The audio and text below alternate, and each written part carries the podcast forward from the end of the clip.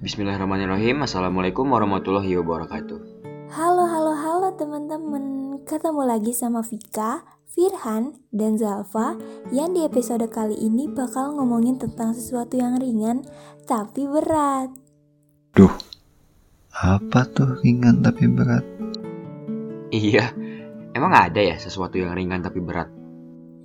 Ya ada dong. Maksud dari ringan tapi berat itu adalah amalan yang ringan dilakukan tapi bisa memperberat timbangan pahala kita loh. Eh, mau tahu dong apa aja tuh? Ada banyak banget di dalam hadis Nabi tentang ibadah atau amalan yang berpahala besar tapi mudah dilakukan. Oh, aku tahu nih. Salah satunya itu mendengarkan dan menjawab azan kan? Aku juga pernah dengar kalau dalam hadis riwayat Muslim diriwayatkan bahwa apabila kalian mendengarkan azan, maka ucapkanlah sebagaimana yang diucapkan oleh muazin. Kemudian bersolawatlah kepadaku. Niscaya aku akan bersolawat untuknya sepuluh kali. Selain itu, waktu azan merupakan waktu yang mustajab untuk berdoa. Sayang banget kan kalau dilewatkan. Subhanallah, iya bener banget.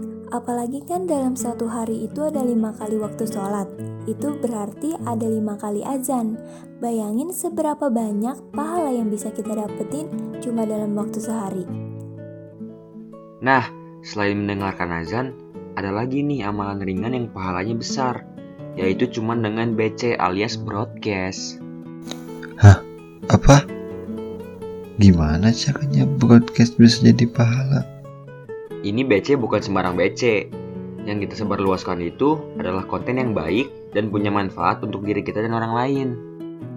Um, contohnya kayak podcast kita gini dong ya, yang insya Allah kontennya baik dan bermanfaat.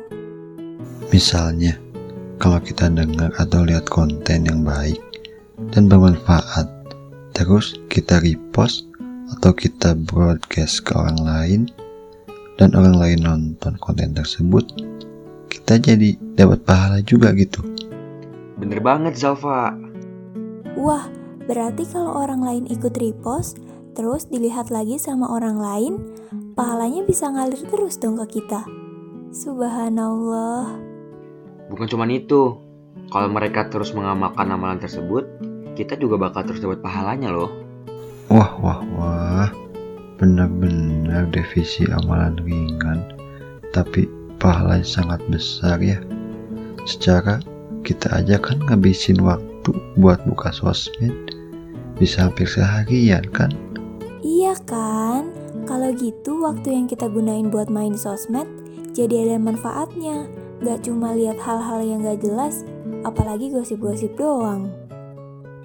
Nah, tadi kan kita udah dapet dua nih amalan yang ternyata gampang banget dilakuin, tapi pahalanya gak main-main. Kira-kira ada apa lagi sih? Bentar-bentar, kayaknya aku tahu deh. Oh iya, baca bismillah setiap mau ngelakuin aktivitas. Eh iya nih, ini nih yang aku sering lupa. Padahal kan ngucap kata bismillah gak sampai 5 detik, tapi masih aja sering lupa baca. Emangnya kalau kita baca bismillah sebelum melakukan aktivitas, manfaat apa yang kita dapat? Wah, kalau udah gitu sih, banyak banget Han.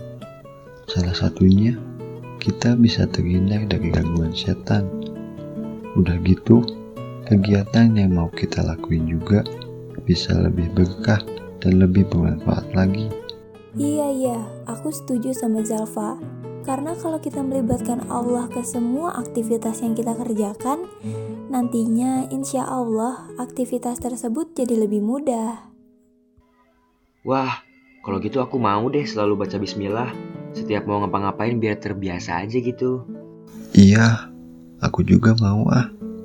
Teman-teman yang lagi dengerin podcast ini, jangan lupa membaca bismillah ya sebelum beraktivitas. Sebenarnya masih banyak banget sih amalan lainnya, tapi teman-teman bisa mulai dari tiga hal yang udah kita jelasin tadi, yaitu mendengarkan dan menjawab azan, menyebarkan konten yang baik dan bermanfaat, dan mengucapkan bismillah sebelum memulai aktivitas. Bener banget. Gimana?